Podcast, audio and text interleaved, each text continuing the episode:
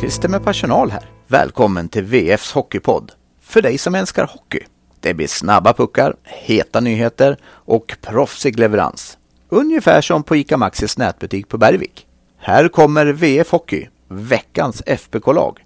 Med din värd Johan Ekberg.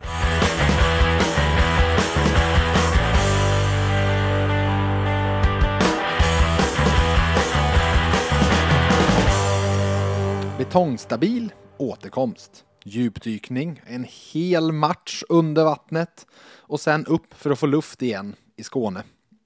Välkomna till VF Hockey, veckans FBK-lag och välkommen till Jonas Griberg. Tackar, tackar. Tycker vi, är det så vi ska se på det? Att Färjestad till sist fick lite välbehövlig luft i lungorna nere i Malmö på torsdagskvällen? Ja, men så var det. Det var en, eh, en betydligt stor eh, skillnad gentemot eh, gentemot Djurgården hemma, gentemot uh, Skellefteå borta. Uh, sen kan man skylla hur mycket man vill på att man har tre, tre centra borta. Det, det är klart, det, det syntes ju mot, mm. uh, mot SAIK där att uh, det var ingen kemi i någon av kedjorna egentligen. Det var väldigt mycket one man show in i anfallszon. Det var nästan att man paniksköt iväg ett skott. Mm. jag vet inte hur mycket tid de hade i anfallszon, men det var inte... lite tid det var nog eh, bland de minsta. jag sa det när jag pratade, minsta på säsongen, tror pratade med Johan Penneborn efter den, eh, att eh, första två, i tredje perioden fick du med lite, lite tryck ändå, mm. lite med lite powerplay och så vidare. Men i första två perioderna, jag tror faktiskt inte det var ett enda anfall där Färjestad fick två avslut på mål, utan det var liksom Åh herregud, nu har vi tagit oss fram till nu måste vi skjuta, nu byter jag, orkar ingenting mer. Och mm. det är väl lite där vi, man måste trots allt väga in i det här. Att var de kom ifrån, de kom från mm. två veckor med sjukdom i stora delar av laget. Och visst, eh, omikronvarianten är inte lika den däckar inte folk på samma sätt som det har gjort tidigare med covid. Men jag hör fortfarande många kompisar som har det som känner sig nedsatta rent fysiskt därefter. Och det var flera spelare som hade gjort en, två träningar innan den här matchen. Som hade liksom mm. blivit, kommit ur karantän, gjort en, två träningar. Eller in, eh, inte innan den här matchen, innan tre matcher på fyra dagar. Vilket ju är ett stentufft spelprogram oavsett om du liksom så är i toppskick fysiskt. Ja, och det syntes ju egentligen direkt mot uh, Oskarshamn här. Man hade väl kanske lite flyt, alltså det är ett powerplay-mål och sen är det, är det en uh, retur som går in där och det kändes redan då som att det var trötta både kroppar och eh, knoppar och sen så tog det väl ut mot eh, det var nog mycket det som mot Djurgården där. Det var, ja. det var soppatorsk eh, totalt där och det där är en, match de hade vunnit alla dagar i och de, i, i veckan ja. Och de hade nog vunnit den om de hade fått något mål i första perioden. Mm. där, de hade faktiskt, då var de bättre än Djurgården och hade lite lägen. Men ja, vi kan väl se det som att Oskarshamn tycker jag var väldigt bra på många sätt. Eh, det har inte mycket att klaga på insatsen för det var så himla, alltså jag nog att det inte var en eh, klang och jubelföreställning men det var en jäkligt stabil insats. Ehm, men eh, därefter sen Djurgården, ja, det var nog den sämsta insatsen för jag hade inte förväntat mig så mycket mot Skellefteå. Men jag håller med analysen som kom därefter om att det var ett lag som kanske inte riktigt ens själva trodde på det i Skellefteå de, de, de kände sig nästan underlägsna på förhand sett till att men, okay, vi vågar inte hålla i pucken för vi är rädda för Skellefteå. Vi tror inte så mycket på oss själva. Eh, så det var en väldigt stor skillnad igår. Nu 5-1, det var ingen 5-1 match mot Malmö eh, så sett, utan Färjestad satte sina lägen och Malmö brände sina. Men det var ju väldigt mycket som såg mycket bättre ut på torsdagskvällen. Ja, så är det och jag vill nästan påstå att det kanske var deras bästa match eh, den här veckan som som gick. Mm. Eh, sen det är klart att får man tillbaka Marcus Nilsson och, eh, och Mikael Lindqvist, bara det ger ju energi till laget oavsett mm. hur väl de presterar. Men jag tyckte både Lili såg pigg ut, jag tyckte Mikael Lindqvist såg eh, piggare ut än vad jag tror på förhand. Han eh, kommer ju här från en fotfraktur men såg ruggigt snabb ut och var ju till och med nära på att bli bli målskytt där i, mm. i tredje perioden. Det var ju någon, någon Malmöback som kom ja, det, med, ja. med en glidtackling ja. Eh, där och jag vet inte man såg inte om pucken var inne eller? Alltså... Ja, men nej, men det var den inte. Men han, det är helt otroligt att han lyckas hålla den på rätt mm. sida linjen. Så sett. Ja. Du, sen vi poddade senast så har det även kommit ut att eh, Thomas Mittell enligt Sportbladet tar över Färjestad eh, från nästa säsong. Ska ha skrivit ett treårskontrakt. Eh, hur ser du på det? Spännande, alltså spännande namn. Eh, sen så är det klart att han eh, hade kanske inte den här lyckade sessionen där borta i Nordamerika som han själv hade hoppats på. Eh, men eh, ja, alltså vad jag förstått så är det väl ett av de mest eh, intressanta namnen på tränarmarknaden. Och nu har ju Penneborn varit i klubben, vad är det, fem, fem år. år som huvudtränare, sex totalt. Mm. Och eh, kanske börjar eh, tålamodet eh, ta slut, att han, eh, han borde vinna någonting. Så ja, alltså, jag det, tror inte det, det finns kan... två sidor av myntet. Det är klart ja. att spelarna har ju ett stort förtroende till honom, men samtidigt så kanske det är dags med en ny, en ny röst och börja om på ny kula, få, få lite nya tankar och idéer. Mm. Och, och Mittell är ju inte, han är ju inte gammal, han är ju en av de modernaste eh, tränarna. Mm. mm. Och eh, ja, det, det kanske är det som, som Färjestad behöver i, i nuläget. För på spelarsidan så kommer man ju ha i princip samma material nästa säsong. Mm. Eh, beroende på, det är väl några som, som sticker till Nordamerika, eh, någon till något annat eh, land kanske. Men ja, det ja. ser Nej, väl ut att bli han och ja, men det kan, kan bli bra. Det kan bli bra. Mm jag är inne lite på att eh, jag tror inte, lite oavsett hur den här säsongen slutar så tror jag kanske det är dags att byta. Eh, inte sett till att Johan Penneborn kanske har gjort sitt i Färjestad, eh, men jag tror kanske är nyttigt för honom att komma någon annanstans, för andra influenser, nyttigt för Färjestad eh, och många spelare som har haft honom i fem år att höra någonting annat och så vidare, eller sex år till och med. Många hade ju som assisterande där också. Eh, så att, att byta, det tror jag nog faktiskt kan vara läge för. Eh, och speciellt då när man lyckas då landa ett sånt här namn.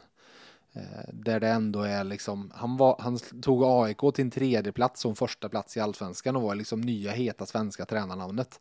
Inte tusan han blivit sämre av att gå bredvid Jeremy Colliton i Chicago Blackhawks i två och en halv säsong i NHL liksom och samla på sig erfarenheter därifrån även fast det har varit ett ett ganska mediokert NHL-lag de senaste åren. Eh, så sett. Men inte har han blivit sämre av det. Jag pratade ju med Jeff Jakobs efter Oskarshamnsmatchen eh, och det var ju en lyckoträff när det dagen efter så kom eh, Johan Mr. Maddox Svensson slog ju fast med 75% sannolikhet att Jeff Jakobs kommer att hamna i Färjestad, trodde han. Mycket baserat på att han, han hade uppgifter på att Thomas Mittell vill ha med honom. Eh, och Eh, jag frågade ju Jakobs dels om det, det kunde han ju inte säga så mycket om sin framtid, alltså utgående kontrakt Oskarshamn, familjen i Borlänge och så vidare. Det, det är vad det är. Men det var intressant att höra vad han sa om Mittell. Eh, och dels så lyfte han ju fram, det var ju två saker. Nummer ett, hans taktiska förmåga. Eh, väldigt duktig hockeytaktiskt så på det sättet. Sen andra som, som han lyfter fram, för de, jag ska säga för er som inte har koll, de tränade ju då AIK ihop en säsong. Där var Jakobs assisterande tränare till Mittell sista året i AIK. Eh, och det andra han lyfte fram var eh, hans sätt att handskas med, som han sa, fixstjärnorna. De lite, de, eh, att få med dem på tåget. Eh, och det är ju en väldigt intressant egenskap att, eh, att han lyfter fram just det som en grej när man tittar på en Färjestad-trupp som är i år ganska stjärnfylld så sett. Och ja, men Färjestad ska ju kunna bygga dyra lagbyggen kommande år också och ha profilstarka lag. Så det, mm. Ja, spännande så sett och se var det tar vägen. Eh, men vet ni? För det första, det är fredag och vi sitter här och gör veckans lagpodd. Det blev lite så, jag var tvungen att vabba i början på veckan så då körde vi en sammanfattning av fyra matcher. Så det är de här fyra vi var inne på som vi nu ska ta ut ett veckans eh, FBK-lag. De har ju faktiskt spelat alla fyra matcherna på en vecka också, så att det blir ju rätt så sett. Mm. I mål, vem har vi där, Jonas Skriberg? Vill du snäppa den här enorma bomben, vem det nu blir? Mm, nu får ni hålla i hatten här. Ja. Eh, vi kör mellan stolparna, kör vi Dominic Furch.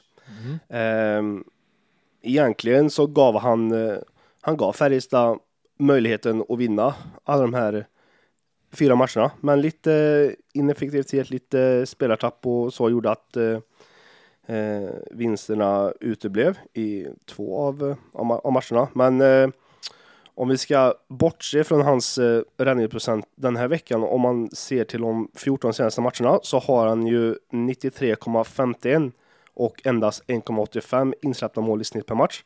Och eh, det är egentligen bara Joel Lassinantti i, i eh, Luleå som kan, eh, som kan matcha. Mm. Eh, och ja, han har eh, Fors har ju enligt mig varit eh, Färjestads eh, genomgående bästa spelare här de senaste, de senaste veckorna. Eh, och eh, får han vara hel och frisk i ett eh, slutspel så kan han vara tungan på vågen att det blir en lång, en lång vår här mm. i Karlstad. Mm. När jag efter Oskarshamnssegern och Furs nollan i den matchen så eh, när jag fick tag då på covid-sjuke Penneborn så sa han en sak som stack ut. Det här målvaktsspelet har inte jag haft under mina fem år som huvudtränare. Eh, håller du med honom? Ja, men jag håller med. Eh, det är nästan som man får gå gå tillbaka till ja, men när, när Salak och Nilstorp höll, höll låda. Då spelade det ju ingen roll. Då, då var det ju båda som levererade. Men efter det, man har, man har inte haft samma, samma stabilitet på, på målvaktssidan. Eh, visst, Fors hade en knackig inledning, eh, men samtidigt han... Är bra tålamod ibland. Ja, exakt. Eh, men det är klart, han, eh, han är en av de, de bästa målvakterna som, som Färjestad någonsin har haft, eh, e-, egentligen. Eh, det är väl... Mm. Kvalitetsmässigt kan jag vara beredd att hålla med dig. Sen så är han, hamnar ju inte så högt upp på en ranking över FBK-makt genom tiderna än för att mm. han har stått så lite. Liksom. Det är en halv säsong vi pratar om och så vidare. Men, ja, eh, du, vi ska hoppa vidare och ta en eh, första utespelare och vi tar en back och han heter Mikael Wikstrand. Jag tyckte han var alldeles briljant mot Oskarshamn och sen ska det ju sägas att Alltså de här Djurgårdsmatchen, det är inte lätt att hitta många guldkorn i den överhuvudtaget. Samma med Skellefteå-matchen. Eh, det var inte jättemånga som stack ut så sett. Eh, sen igår mot Malmö så fick Mikael Wikstrand en fruktansvärt jobbig start med den där. Jag vet inte riktigt, alltså det, det är nästan som att han backade in i sargen och då tappade lite balansen och pucken mm. for iväg och eh, Händemark kunde kvittera. Givetvis, det är ju en dunderblunder, går aldrig säga något annat än det. Men visade enormt mycket mental styrka att kunna släppa det, ta sig vidare, liksom inte låta en sån miss. Det är klart, eh, samma sekund som det hände så, så tänker han fan, fan, fan i en minut efteråt liksom. Eh, men släppa det, gå vidare och göra en riktigt, riktigt bra match. Eh, min Johan Pennerborn kallar det majestätisk insats och han var jättebra. Du, leda lag kan man göra på många sätt. Eh, jag kollade på, det är en sak som stack ut när jag tittade på statistiken för de, den här senaste veckan nu. Blockerade skott. Joel Nyström är tvåa på listan på fyra blockerade skott. Mikael Wikstrand har vunnit, eller ja, leder den, eller har vunnit den, har täckt flest skott senaste veckan. Tio. Mm. Tio skottäckningar. Så, ja, lead by example eh, kan man göra ute på isen, så sett. Hallå där! Det väntas ett händelserikt år. Om oss på VF håller du dig uppdaterad. Läs de senaste nyheterna med VFs pluspaket i åtta veckor för endast 8 kronor. Med Plus får du tillgång till allt innehåll på sajten och i nyhetsappen. Läs mer på vf.se erbjudande. Vem har vi bredvid honom? Där har vi Slottsbrons eh, stolthet, eh, Mattias Göransson. Eh, gör mycket eh, bra i det tysta. Eh, visar ju även då och då att han har kvaliteter offensivt och då, då tänker jag inte på, på målet här mot Malmö utan att han, eh, att han gärna vill, eh, vill kliva ner från sin, från, från sin blå linje. Jag hade dock gärna sett att han vågade kliva in mer på mål med tanke på den tyngd och räckvidd som han har. Men han är ändå, han är ändå plus två på de här fyra matcherna. Eh, ett mål, ett assist mot Malmö. Eh, var inne på tre mål framåt där. Eh, mm. Så ja, han tar sakta men säkert kliv framåt och kommer vara viktig för Färjestads defensiv även framöver. Det är ju där han främst ska ska glänsa. Mm. Men, ja, Han och Joel Nyström har ju spelat ihop den här veckan. Mm. Eh, och jag, jag såg på siffror inför den, för jag bara, men vänta nu. De, jag visste ju att de inte hade spelat mycket ihop, med att Joel Nyström nästan bara har spelat med Mikael Wikstrand och sen varit borta lite här efter JVM-utflykten och så vidare. De hade 20 minuter ihop på isen totalt sett under hela säsongen innan den här veckan. Nu har de gjort fyra matcher. Hur ser du på den kombon, de två ihop, fall man, fall man nu, fall, eller fall man, fall Färjestad nu vill hålla ihop Wikstrand, Virtanen kombon även framåt? Mm. Ja, men alltså, jag var inne på det här innan att man kanske borde, borde splittra på, på Virtanen och eh, Wikstrand. Men nu har ju Wikstrand kanske tagit den mer defensiva rollen eh, och låta Virtanen eh, köra sina räder offensivt. Och det är klart att Joel Nyström eh, är ju även han en offensiv back i grunden.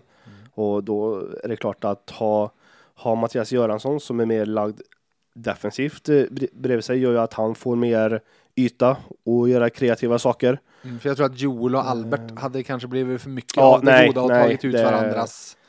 Ja, men, ja, det är inte att använda styrkorna i laget och ha dem ihop. Nej, för då, då innebär det att då ska du ha, ha Ginning och kanske Göransson i ett papper och då har du två, två tunga defensiva backar och jag tror att det, det optimala i ett lagbygge det är att ha en offensiv och- en defensiv back i, i varje backpar. Och det är klart att inför säsongen så hade väl alla trott att Wikstrand skulle äta mycket is även i powerplay. Men där har ju Johan Nyström eh, visat att han är ett, eh, ett större hot. Och jag, men jag tror samtidigt inte att eh, jag tror samtidigt inte att Wikstrand har några problem att ta den defensiva rollen heller. Eh, Men han var i den PP-formationen igår som levererade faktiskt. Eh, Det, det var var den, den, den, Eh, absolut. du, jag reagerar på det.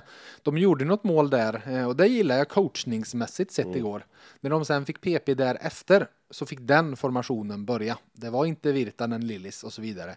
Utan det var den man kanske hade sett som andra, andra PP-formationer med Wikstrand, med Viksten, Nygård, Ejdsell och eh, Åslund nej, kanske? Albert Johansson. Albert Johansson. Albert Johansson där på andra kanten var det ju. Eh, Det gillar jag. Alltså att, ja men de här var heta, de gjorde mål. Okej, Mm. ni får börja. Eh, Att, att kanske, i grund och botten kanske jag mest gillar att man spetsar till och försöker hitta ett första PP som spelar en och en halv minu- minut. Men när man nu, när båda går, ja men ingen har ju hittat någon speciell kemi sett till säsongen över tid, är mer än liksom glimta till. Då kanske det är det sättet man får gå istället, att hitta två formationer som får konkurrera med varandra. Den bästa får starta och få mest speltid.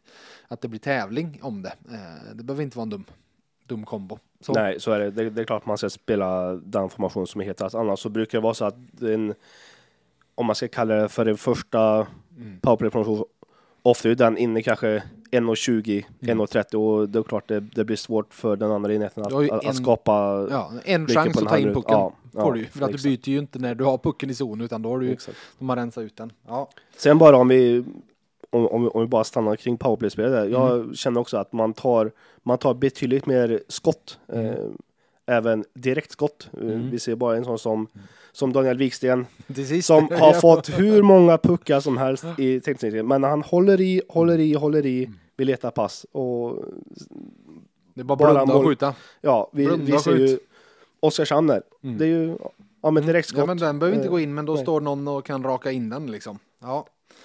Eh, på tal om Daniel Wiksten så tar han givetvis, det var nästan furs eh, enkelt att ta ut honom i veckans lag den här gången. Eh, sex poäng på senaste fyra matcherna och det är inte bara senaste fyra han har fått igång produktionen riktigt, riktigt bra utan det är, tittar vi på de sju senaste matcherna så är det tio poäng på dem, tre plus sju.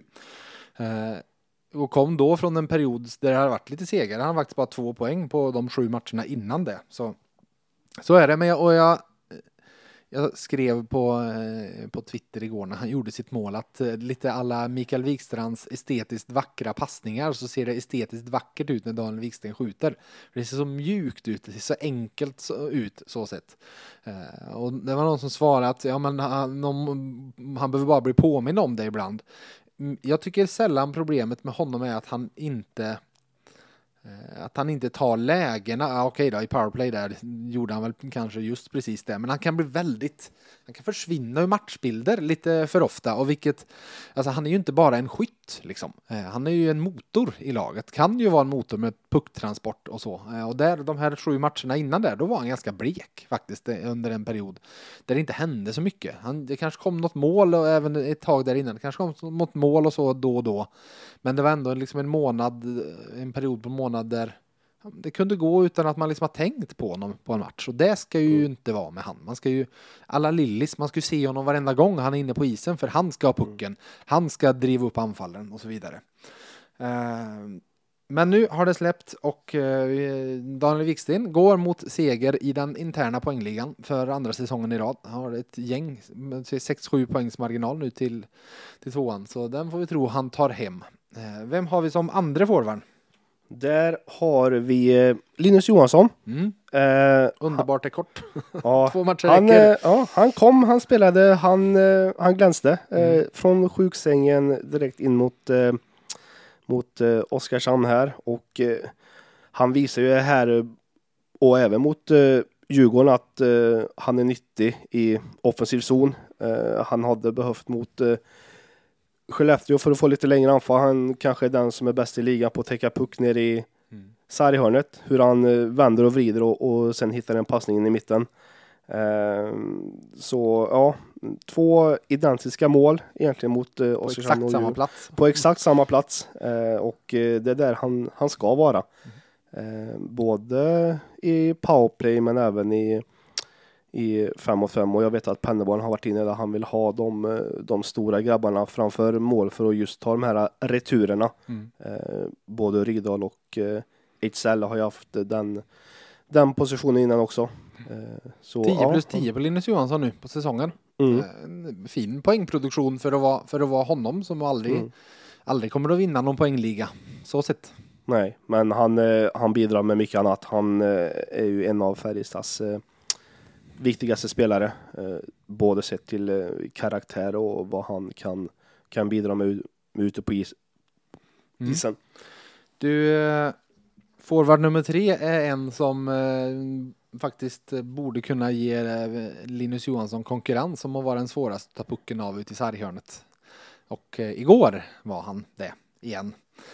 För om vi tittar på Hagförsingen, Viktor Ejdsell, så är det ju sparkapital är ju ordet man sätter efter honom, liksom, sett till vad han har bidragit med den här säsongen.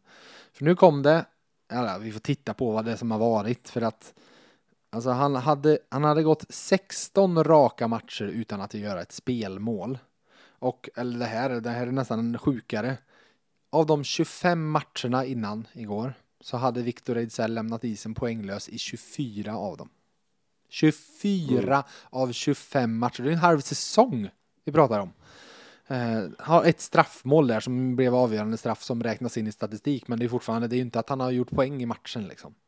Det är, ja, nog att Karn kan vara segstartad, men det här är ju liksom, det är ju inte pratar om att det inte är ens nära förmågan, han är inte ens nära att vara nära sin egen eh, kapacitet liksom. Eh, och man vet ju hur, förstår ju hur han har slitit med det och så vidare. Men alltså det här, hockey är ju så och framförallt sin, eller mentala spelet är ju så att när det väl börjar släppa så kan det släppa. Nu får vi se. Men eh, ja, det är häftigt att se. Eh, ni ska få höra på en annan person prata just om Victor Ejdsell och lite annat. För jag ringde upp en, som, en av de där comebacken, comebackande spelarna mot Malmö, Mikael Lindqvist. Så här får ni höra vad han hade att säga. Mikael Lindqvist, fredag och när kom ni hem i natt egentligen? Eh, nej men vi var hemma vid fem i morse mm. tror jag, så att man är lite man är lite mör så här dagen efter men det är alltid, alltid enklare när man har tagit en seger så det, det, ja men det är bra. Är du en duktig bussovare? Nej, jag är faktiskt ganska dålig. Ah. Jag är bra på att sova till dit vi ska, men ah. inte hem efter matcher. Det är rätt svårt att varva ner så och liksom sova på bussen efter match. Det, det blev, jag sov inte en sekund på bussen igår utan fick sova när jag kom hem och ta lite sovmorgon idag. Så Nej, jag sover mycket på väg kanske till matcher eller om man åker dagen innan sådär men aldrig eller väldigt sällan efter match. Ja, men just det. Du, igår fanns det väl kanske en anledning för dig att, att vara lite uppspelt efter matchen. Hur kul var det att spela match igen? Nej, men det var grymt kul. Eh, det var ja, men fantastiskt kul att vara, vara tillbaka. Det, det har varit eh, lite, lite tufft här och liksom stå vid sidan om och eh, ja, fått lite käftsmällar eller vad man ska kalla det här. Och jag visste väl inte heller vad jag skulle förvänta mig i, i, igår av, av mig själv utan jag Ja, jag har inte hunnit göra, eller jag hann inte göra någon träning med laget alls då inför det här Nej, utan det. jag kastades ju rakt in i det och jag tror jag Jag tänkte på det efter matchen igår att jag har inte De senaste två månaderna här så, eller vad det nu är både efter tumskadan och, och, foten här så har jag inte, jag vet inte om jag har gjort, man kan nog räkna på en hand de träningarna jag har gjort med laget så att ja. jag visste inte riktigt hur, hur jag skulle, hur, hur, jag skulle känna mig men det var, det var grymt kul att vara med och, och spela och, och, bidra och jag tycker ändå att, att det kändes helt okej. Okay. Mm. Får man vara så krass och säga att den här comebacken är ju mycket mer lyckad för du har ju faktiskt spelat en hel match nu utan att bli skadad. Ja, mm. precis, det måste man säga. Det, sist var det ju Sist var det andra bytet som jag fick ett skott på foten och sen spelade jag ju klart matchen då, men det, det, det, var, det gick bättre den här gången och vi vann ju också så det var ju, nej det var grymt bra. Mm. Hur skönt var det att få den där segern med tanke på att ni nu faktiskt har en och en halv vecka OS-uppehåll faktiskt? Ja, nej men superskönt. Det, nu har vi ju Ja, vi kom väl ifrån två insatser här i förrgår som vi inte var nöjda med och um, vi vet om att ska man uh, haka på i, i racet nu i topp 6 och även kunna klättra lite till så gäller det att vi, vi vinner mycket matcher så att uh, ja, det gäller att, efter man har förlorat två så gäller det att sätta stopp. Det, vi har inte råd med, med några sådana streaker med förluster utan vi ska stoppa upp streaker med vinster istället här. Mm.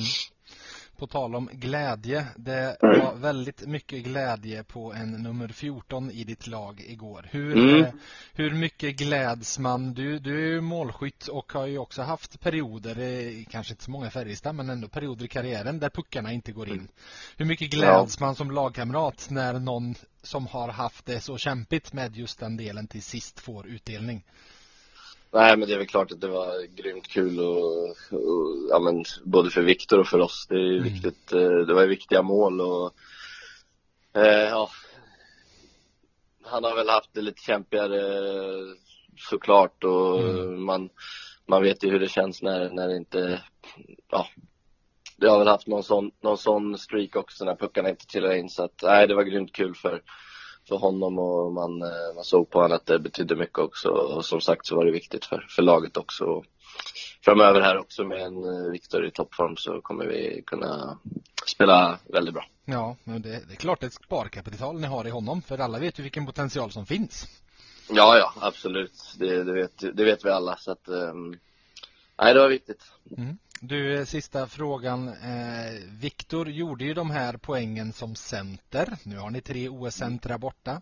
När de kommer tillbaka, hade du kört honom vidare som center om du fått vara den som ska placera ut forwards och centrar?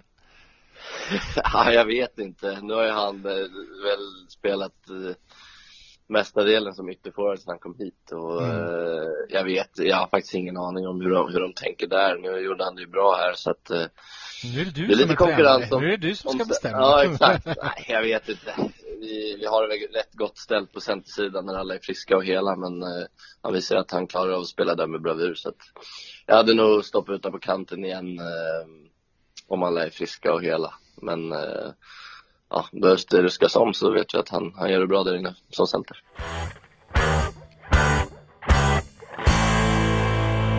ska ställa samma fråga till dig som jag ställde till Linkvist. Ejdsell gjorde tre poäng som center.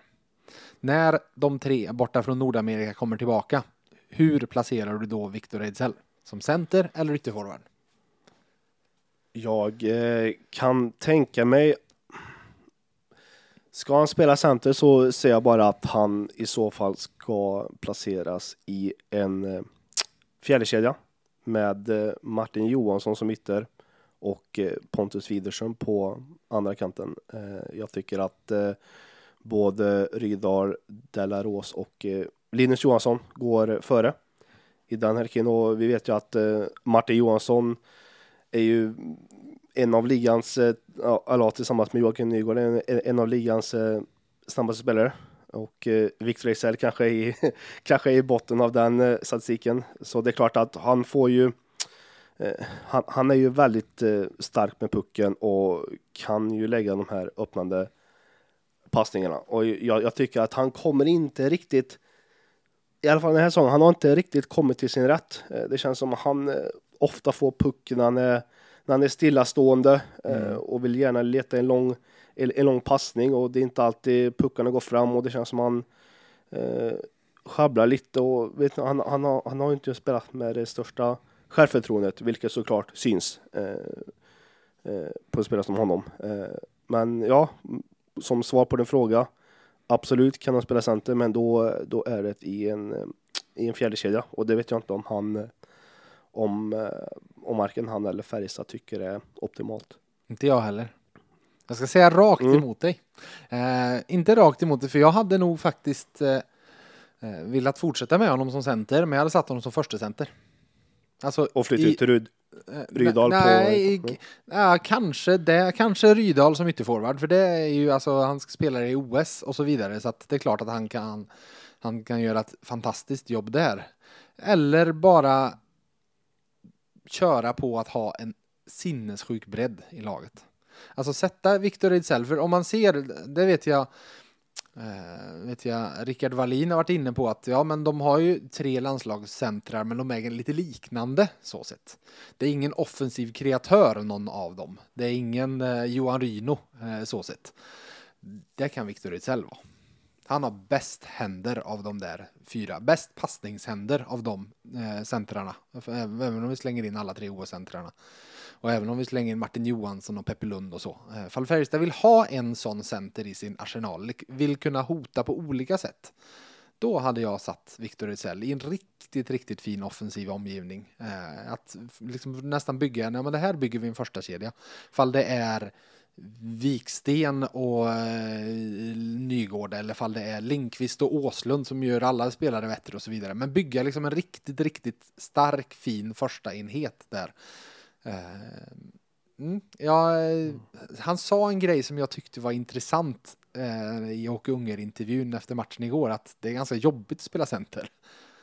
Kanske det han behöver. Mm. Han kanske behöver en roll som kräver av honom att röra på benen hela tiden. Eh, att inte, att, att hålla den där kroppen i rörelse för att han, vi såg ju i slutspelet i fjol, alltså Victor Rosell var Färjestads bästa spelare i slutspelserien mot, eh, mot Växjö. Han var de där två, jag minns så väl framförallt matcherna nere i Växjö, match 1 och 2 i kvartsfinalserien som Färjestad borde ha vunnit båda två ifall de hade haft eh, målvaktsspel av klass och inte kastat, kastat bort två, två matcher som skulle varit segrar.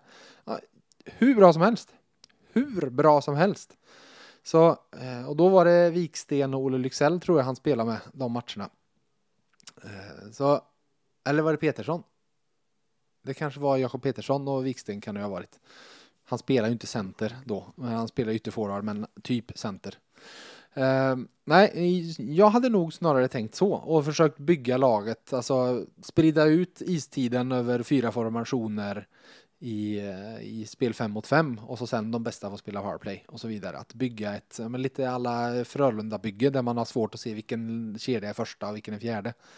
Eh, att, alltså Linus Johansson kan gå superbra med två fysiskt starka yttrar bredvid sig. Liksom. Han skulle kunna göra ett jättejobb i fem mot fem med Martin Johansson och eh, Pontus Widerström. Så sett. Eh, för att de, eh, de spelar, alltså Linus Johanssons formationer han är ju inte så beroende av att ha fart och fläkt runt sig för att det är inte på det sättet han spelar hockey. Eh, han spelar hockey på att pucken kommer ner i zon och nu banne mig håller vi kvar den här pucken i zon. Mm. Nu bara kör vi, nu rullar vi runt tills vi får ett läge. Så ja, jag vet inte. Mm. Uh, Vilken center har du har du tänkt i... Nej men då är att jag hade kunnat, jag hade Patrik Lund, Patrik Lund som ja. inte forward. Men det spelar ingen roll. Han kan ju mm. absolut, han har ju nästan inte spelat center under karriären. Mm. Så han kan ju spela ytterforward i någon formation. Eh, så sett. Så ja, jag vet inte. Jag, vet inte. jag mm. hade tyckt det varit roligt att spännande, spännande att eh, se ett sånt Färjestad-bygge med fyra formationer och där man faktiskt försöker bygga en offensiv formation. Och just då, då i, i det läget med de andra tre så kan du ju verkligen ge en sån Ejdsell-centrad formation en offensiv roll. Offensiva zonstarter hela tiden. De ska aldrig starta defensiv zon. Det gör alla andra tre. Offensivt, då skickar vi in de här. Att ge honom en sån ganska skyddad roll, att inte behöva tänka lika mycket defensivt heller. Uh, ja, jag hade tyckt mm. det varit eh, spännande, ett spännande experiment om inte annat, för att se om det faktiskt kunde addera lite, lite mer offensiv spets till eh, laget i stort. Mm, vi får se om Panneborn köper uh, ja, idén. Ja, precis. Du, eh, frågetecken och utropstecken. Jag babblade på nu, så varsågod, kör ditt frågetecken. Mm, då tar jag mitt frågetecken som är Karl Jakobsson. Mm. Uh, inte på grund av att han har varit eh, dålig på något sätt. Men jag tycker han eh, eh står och stampar. Står och stampar. Mm. Eh, han skulle ha haft sitt stora genombrott förra säsongen.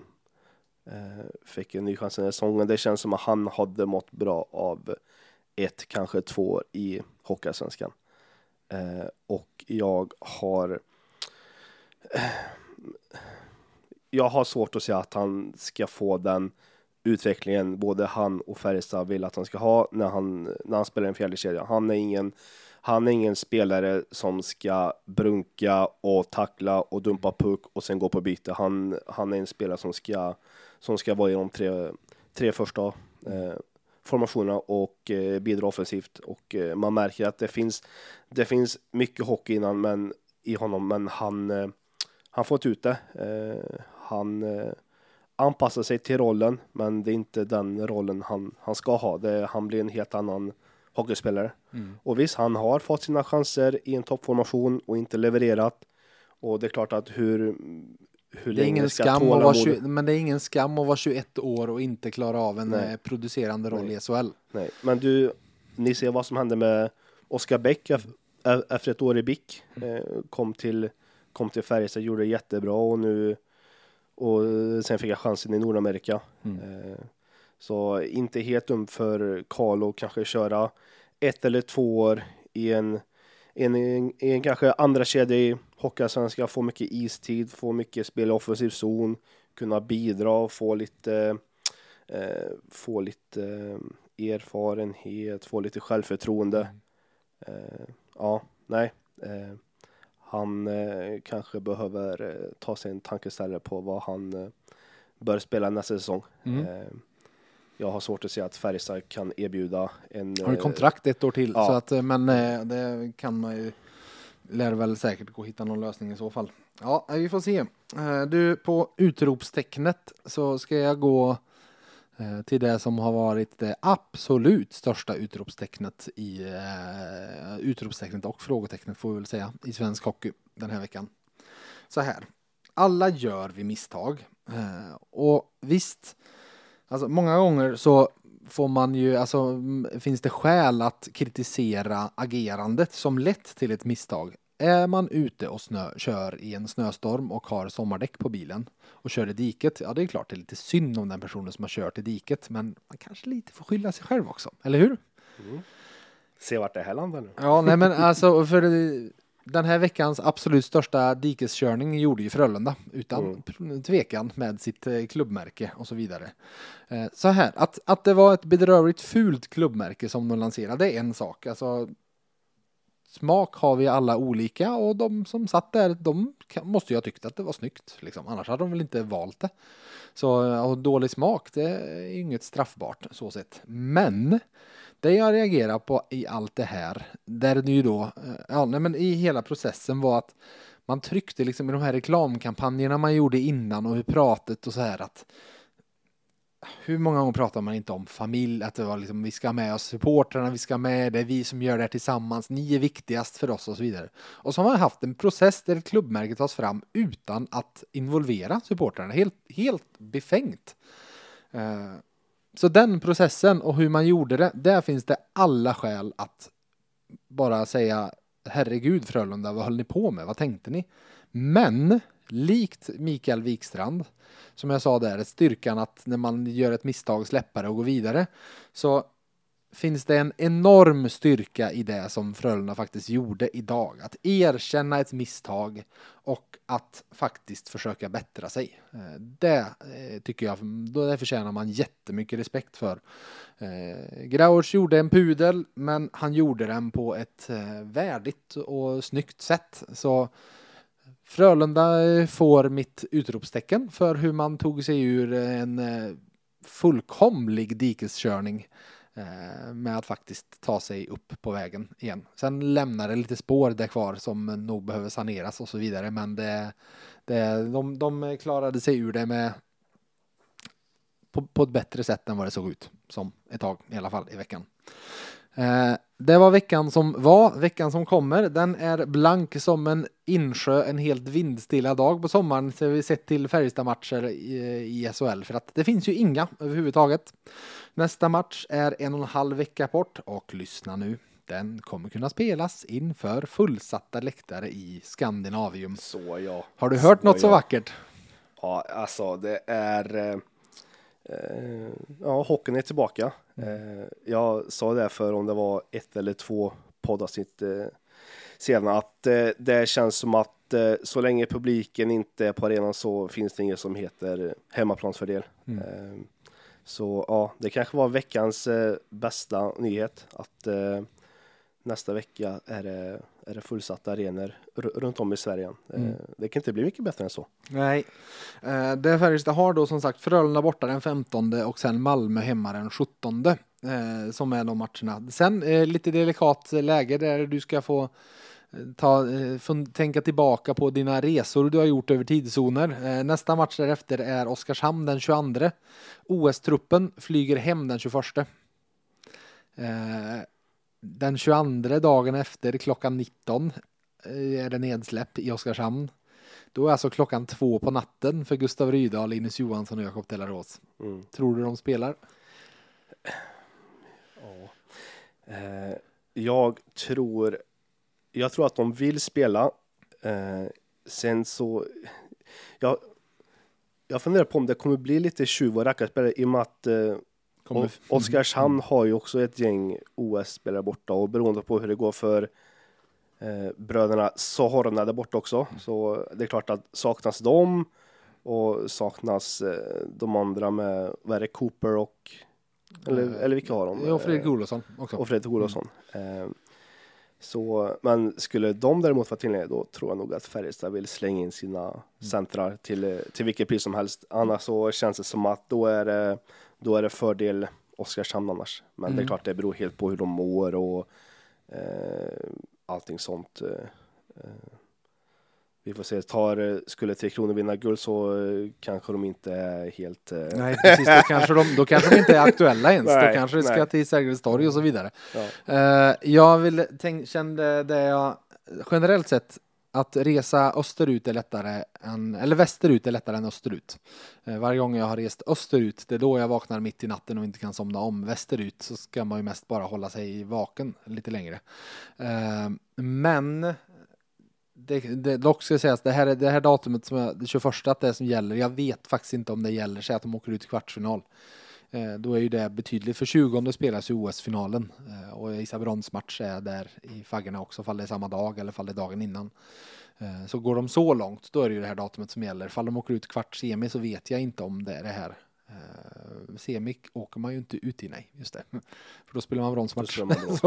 men åker de ut i kvartsfinal, för, så gissar jag de skulle komma hem lite tidigare.